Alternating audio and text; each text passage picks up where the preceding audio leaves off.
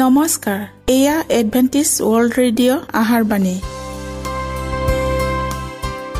ষোল্ল মিটাৰ বেণ্ডত সোতৰ হাজাৰ আঠশ দহ কিলোহজত এডভেণ্টিছ ৱৰ্ল্ড ৰেডিঅ' যোগে অসমীয়া ভাষাত প্ৰচাৰিত আহাৰবাণী প্ৰত্যেক বুধবাৰ আৰু দেওবাৰ সন্ধিয়া সাত বজাত আহাৰবাণী শুনাৰ পিছত আপোনালোকৰ কিবা মন্তব্য আৰু প্ৰশ্ন থাকিলে আমালৈ এই ঠিকনাত লিখক। আমাৰ ঠিকনাটি হৈছে Adventist World Radio' Seven Day Adventist মণ্ডলী অসম শাখা লতাকাটা বশিষ্ঠ গুৱাহাটী সাত আঠ এক শূন্য দুই ন।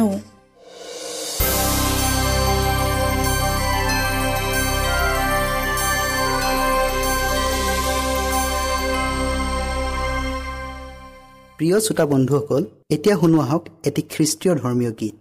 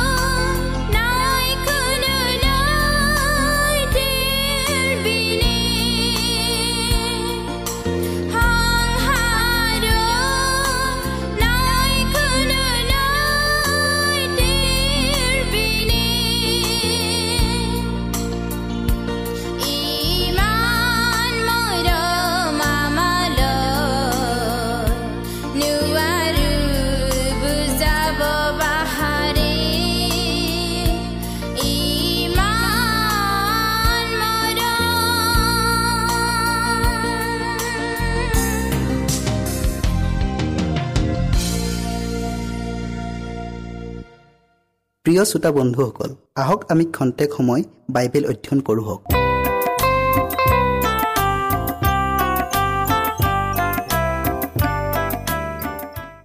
এই ঠাইতে গ্ৰীকবিলাকৰ প্ৰধান দেৱতা জিউছ আৰু ৰুমিয়া ভাষাত জুপিটাৰৰ এটা ডাঙৰ মন্দিৰ আছিল। ইয়াক স্মৰণাৰ শিৰৰ মুকুট বুলি কোৱা হৈছিল। এই মন্দিৰলৈ উঠি যোৱা খটখটি আৰু পথ সোণৰ আছিল। প্ৰথম শতিকাত ইয়াৰ জনসংখ্যা দুই লাখ আছিল আৰু বৰ্তমানে ইয়াৰ জনসংখ্যা ছয় লাখ। স্মৰণাত এটা সৰ্প দেৱালয় আৰু এখন চিকিৎসালয় আছিল। সৰ্পই আটাই ঔষধৰ শক্তিৰ প্ৰতীক বুলি ইয়াৰ মানুহে বিশ্বাস কৰিছিল। সেয়ে আজিকালি চিকিৎসা বিজ্ঞানৰ পুস্তকবোৰত এডাল দণ্ডত এডাল বা দুডাল সৰ্প মেৰিয়াই থকা ছবি দেখা যায়। বাইবেলত সৰ্পক দিয়াবল আৰু ছয়তান বুলি কৈছে। ই দুষ্টৰ প্ৰতীক পৰগাম মণ্ডলী অৰ্থাৎ উচ্চতা বা দুৰ্গ। এই মণ্ডলী তিনিশ তেৰ খ্ৰীষ্টাব্দৰ পৰা পাঁচশ আঠত্ৰিছ খ্ৰীষ্টাব্দলৈ বৰ্তি আছিল। তেতিয়াৰ দিনত এইখন ঠাইত দুই লাখ পুস্তকৰ ভঁৰালৰ নিমিত্তে বিখ্যাত আছিল। আগতে উল্লেখ কৰাৰ দৰে আক্ষৰিক শব্দ বা কথাবোৰ সাংকেতিক আৰু বৰ্তমান বিশ্বজনীন বিষয়বোৰত ব্যৱহাৰ হয়। এই পাৰগামত ৰুমিয়া দেৱী ৰুমা আৰু সম্ৰাট উপাসনাৰ এটা মন্দিৰ আছিল।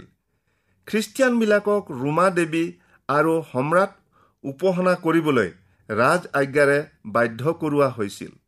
কিয়নো সম্ৰাট ডমিটিয়ানে নিজকে দেৱতাবিলাকৰ দেৱতা বুলি প্ৰতিষ্ঠিত কৰিছিল। পৰগাম সেই সময়ৰ ৰোম সাম্ৰাজ্যৰ নানা দেৱ দেৱীৰ পূজাৰ ধৰ্মীয় কেন্দ্ৰস্থল আছিল। যি দেৱমূৰ্তি পূজাৰ ধৰ্মীয় মতবোৰ মেচুপটমিয়াৰ পৰা আনিছিল সেয়ে জোহনে উচিতভাৱে এই ঠাইখনক য'ত ছৈতানৰ সিংহাসন আছে কৈছিল। আনহাতে ইয়াতেই মণ্ডলী ইতিহাসৰ আন এটা উল্লেখযোগ্য ঘটনা হ'ল যে ৰোমৰ প্ৰথম খ্ৰীষ্টিয়ান সম্ৰাট কণ্টেষ্টাইন ৰোম সাম্ৰাজ্যৰ ক্ষমতালৈ অহা। তেওঁৰ সময়তেই ৰোমত পূপে ধৰ্মীয় শাসন আৰু ৰাজনৈতিক শাসন উভয়ৰে নিয়ন্ত্ৰণৰ বাঘজৰি নিজ হাতলৈ আনি নিজৰ স্থান কটকটীয়া কৰি তুলিছিল। সেই ঠাইত বিলিয়মৰ শিক্ষা মনা মানুহবিলাক ৰাখিছা। ইয়াত বিলিয়াম শব্দই আপোচ বা মিটমাত কৰা বুজাইছে। বিলিয়ামৰ কাহিনী পবিত্ৰ বাইবেলৰ পুৰণি নিয়মত উল্লেখ থকা পাওঁ। কণ্টেষ্টাইন আৰু পূব উভয় শক্তিয়ে লগ লাগি বিধৰ্মীৰ অনেক দেৱমূৰ্তি সূৰ্য পূজা ইত্যাদিৰ ধৰ্মীয় মতবোৰ আপোচ কৰি খ্ৰীষ্টীয় মণ্ডলীৰ মতত সুমুৱাই ল'লে। অখ্ৰীষ্টীয় মতবোৰ খ্ৰীষ্টীয় বিধিত সন্নিৱিষ্ট কৰাত ৰুমিয়া মণ্ডলী অতি পাৰ্গত আছিল। এইদৰে ছয়তানে তাৰ আসন খ্ৰীষ্টীয় মণ্ডলীৰ ভিতৰত দৃঢ় কৰি তুলিলে। নিকলাইতিয়াৰ বিষয়ে ইফিচিয়া মণ্ডলীত চাওক। গুপুত মান্না ষষ্ঠ খ্ৰীষ্টপূৰ্বত চলোমনৰ মন্দিৰ ধ্বংস হোৱাৰ সময়ত জিৰিমিয়াই তেওঁৰ সহবিশ্বাসী কেইজনমানৰ সৈতে জিৰচালেমৰ পৰা আশী কিলোমিটাৰ আঁতৰত থকা নবু পৰ্বতৰ কোনোবা এটা গুহাত নিয়ম চন্দুকৰ সৈতে গুপুত মান্না লুকুৱাই থলে বুলি অনেকে কয়। প্ৰাচীন যিহুদী শিক্ষামতে মচীহজনাৰ আগমনত পুনৰাই আকাশৰ পৰা মান্না পৰিব আৰু সেই সংকটৰ সময়ত সেই মান্না খাব। ৰোমান কেথলিক বাইবেলৰ এপক্ৰিফা পুস্তকৰ দ্বিতীয় অধ্যায় অৰ্থাৎ দ্বিতীয় বাৰাক ঊনত্ৰিছ অধ্যায় আঠ পদত উল্লেখ আছে। কিন্তু নতুন নিয়মৰ জোহন ছয় অধ্যায় একত্ৰিছ পদৰ পৰা চৌত্ৰিছ পদ পঢ়িলে পাওঁ যে এই প্ৰতীক মান্না অনন্ত জীৱন দিওঁতা খ্ৰীষ্টকহে বুজাইছে। বগা শিলে নিৰ্দোষ ন্যায় বিচাৰৰ মুক্তিক বুজায়। ৰোমৰ বিচাৰক মণ্ডলীয়ে আদালতত অপৰাধীক বিচাৰ কৰোঁতে কলা আৰু বগা শিল অৰ্থাৎ মোহৰ ব্যৱহাৰ কৰিছিল। বিচাৰৰ অন্তত কলা শিল পোৱাজন দোষী আৰু বগা শিল পোৱাজন নিৰ্দোষী বুলি সিদ্ধান্ত কৰা হৈছিল। বাইবেলত নামেৰে তাৰ কৰ্মৰ পৰিচয় পোৱাৰ উল্লেখ আছে। খ্ৰীষ্টক গ্ৰহণ কৰাজন তাৰ পুৰণি কুস্বভাৱ ত্যাগ কৰি সম্পূৰ্ণ নতুন সৃষ্টি হয়। তেনেকৈ ইয়াত খ্ৰীষ্টিয়ানক এক নতুন নামাকৰণ কৰি ঈশ্বৰে মাতিব। এই আত্মিক আনন্দৰ অভিজ্ঞতা গ্ৰহণ কৰোতাজনেহে জানিব। থুৱাতিৰা মণ্ডলীৰ অৰ্থাৎ পৰিশ্ৰমৰ মধুৰ গীত। এই মণ্ডলী পাঁচশ আঠত্ৰিছ খ্ৰীষ্টাব্দৰ পৰা পোন্ধৰশ সোতৰ খ্ৰীষ্টাব্দলৈ বৰ্তি আছিল। আন ছখন চহৰৰ দৰে থুৱাতিৰা বৰ উল্লেখযোগ্য ঠাই নহ'লেও ইয়াৰ বিভিন্ন হস্তশিল্প বস্ত্ৰশিল্প বেহা বেপাৰত এক উল্লেখনীয় ঠাই আছিল। ইয়াত কাপোৰৰ নানা প্ৰকাৰৰ ৰং বিৰং কৰা হৈছিল। ৰুমিয়া মণ্ডলী বা পূপৰ চূড়ান্ত অধিপত্যৰ সময়ত এই মণ্ডলী গোটেই মধ্যযুগৰ এটা নিখুঁত খ্ৰীষ্টীয় মণ্ডলী হিচাপে চিহ্নিত হৈছিল। দেশ বিদেশৰ অনেক মানুহে খ্ৰীষ্টীয় ধৰ্ম গ্ৰহণ কৰি ইয়াতেই একেলগ হৈ নিবিড় খ্ৰীষ্টীয় ভাতৃভাৱ জগাই তুলিছিল।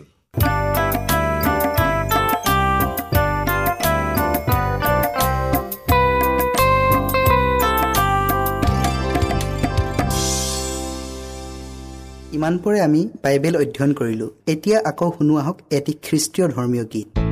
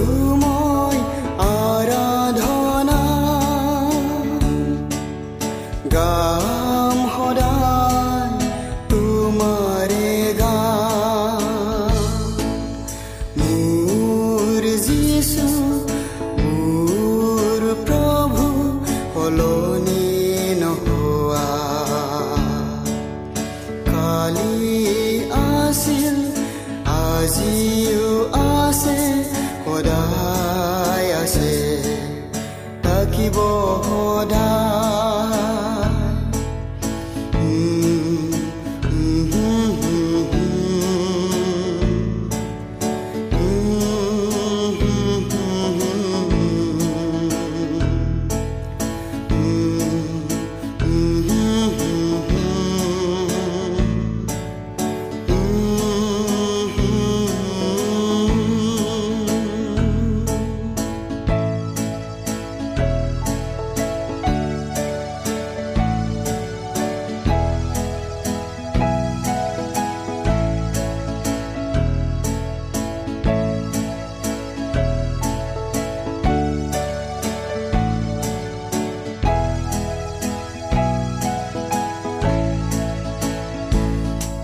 কৰিলা তুমি মোক উধা দিলা মুক্তি পাপৰ পৰা। আছে শক্তি তোমাৰ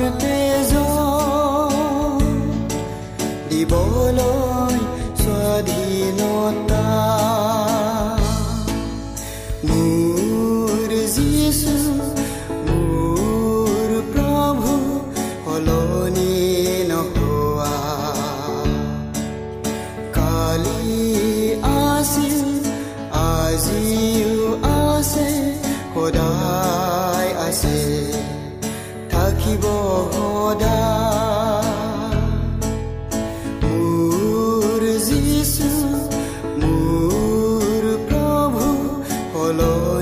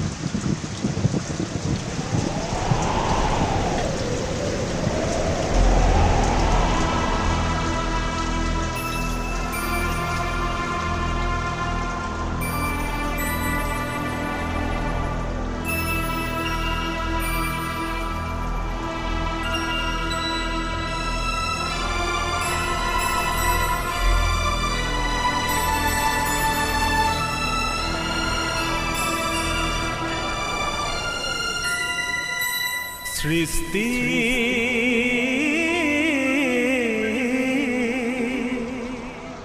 আদিতে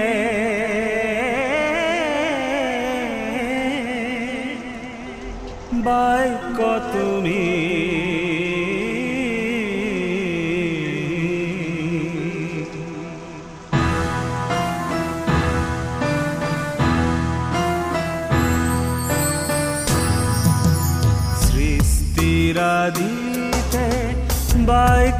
তুমি কৰিলা সৃষ্টি বিশ্ব ব্ৰহ্মাণ্ড বিশ্ব ব্ৰহ্মাণ্ড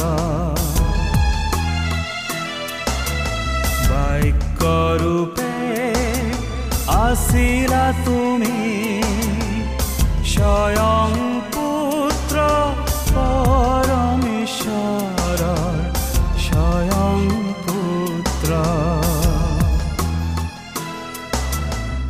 সৃষ্টিৰাদিতে বাক্য তুমি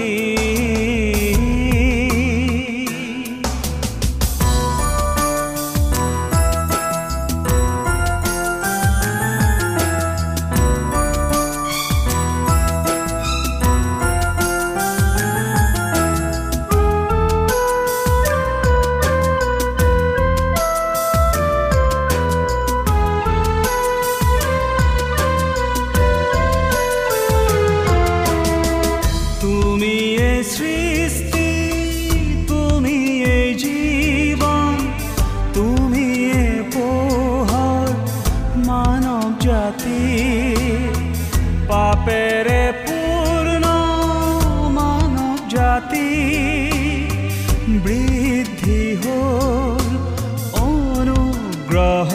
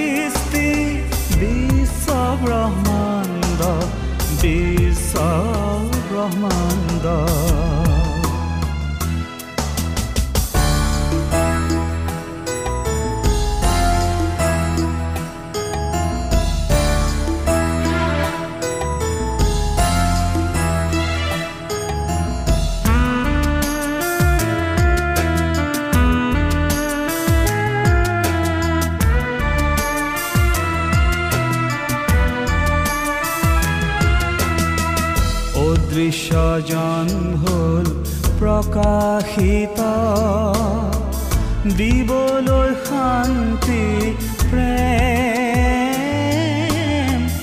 অদৃশ্যজন হ'ল প্ৰকাশিত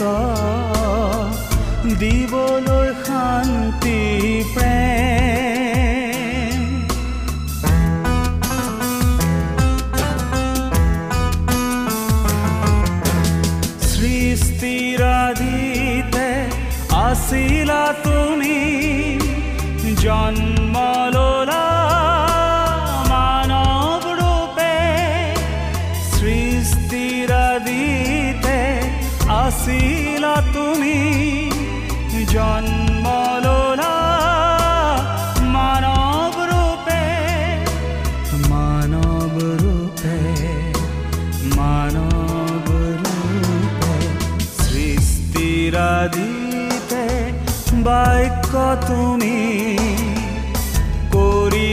সৃষ্টি বিশ্ব ব্রহ্মাণ্ড বিশ্ব ব্রহ্মাণ্ড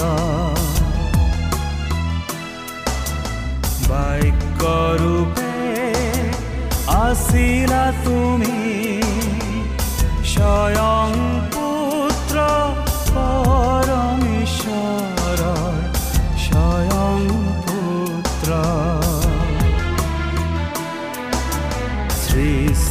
সৃষ্টিৰাদিতে বাক্য তুমি।